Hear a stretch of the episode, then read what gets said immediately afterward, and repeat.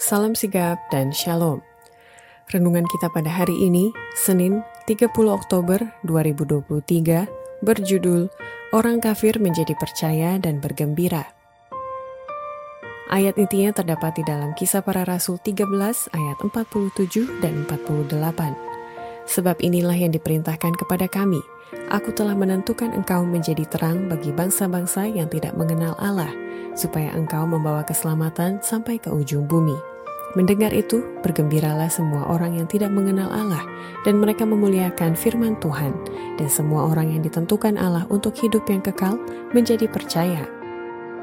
Pena Inspirasi menuliskan yang dimaksud dengan judul renungan kita pagi ini, Orang Kafir Menjadi Percaya dan Bergembira, adalah sebuah panggilan kehidupan yang praktis agar kita senantiasa tetap berusaha untuk menjadi orang yang bahagia sebagai faktor yang menunjang kebahagiaan sejati dan sarana untuk memulihkan hubungan kita secara vertikal kepada Tuhan dan horizontal dengan sesama sebagai berikut.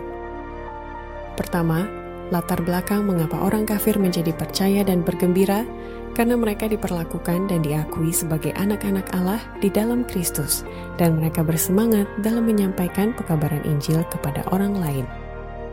Mereka sangat bersuka karena Kristus mengakui mereka sebagai anak-anak Allah, dan dengan hati yang penuh rasa syukur, mereka mendengar akan perkataan yang dihotbahkan. Mereka yang percaya bersemangat dalam menyampaikan pekabaran Injil kepada orang lain, dan dengan demikian firman Tuhan disiarkan di seluruh daerah itu.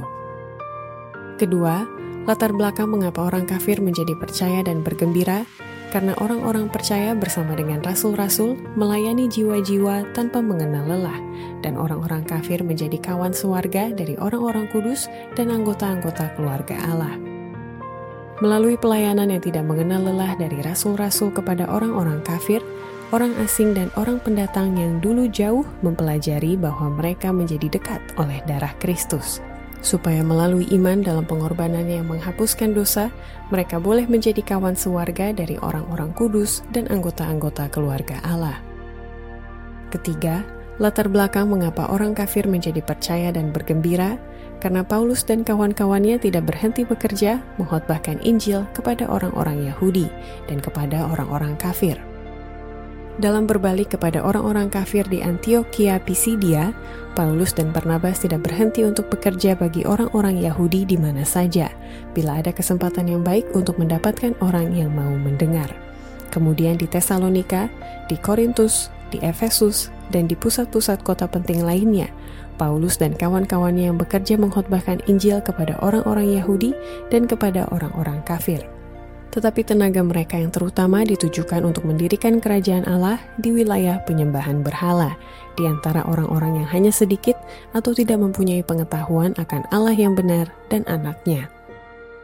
Keempat, latar belakang mengapa orang kafir menjadi percaya dan bergembira, karena Paulus bekerja dengan tidak henti-hentinya untuk mendirikan kerajaan Allah di antara orang-orang kafir yang telah diabaikan oleh guru-guru bangsa Israel maju dalam iman. Paulus bekerja dengan tidak henti-hentinya untuk mendirikan kerajaan Allah di antara mereka yang telah diabaikan oleh guru-guru bangsa Israel. Dengan tetap ia meninggikan Kristus Yesus sebagai Raja di atas segala Raja dan Tuan di atas segala Tuan. 1 Timotius 6 ayat 15 dan menasihatkan orang-orang percaya untuk berakar di dalam dia dan dibangun di atas dia. Hendaklah kamu bertambah teguh dalam iman. Kolose 2 ayat 7 kepada mereka yang percaya, Kristus adalah alasan yang teguh. Di atas batu yang hidup inilah orang-orang Yahudi dan orang-orang kafir sama-sama membangun. Jalan itu cukup lebar untuk semua orang dan cukup kuat untuk menahan berat dan beban dunia. Inilah kenyataan yang cukup dikenal oleh Paulus sendiri. Demikianlah renungan kita pada hari ini. Kiranya Tuhan memberkati kita semua.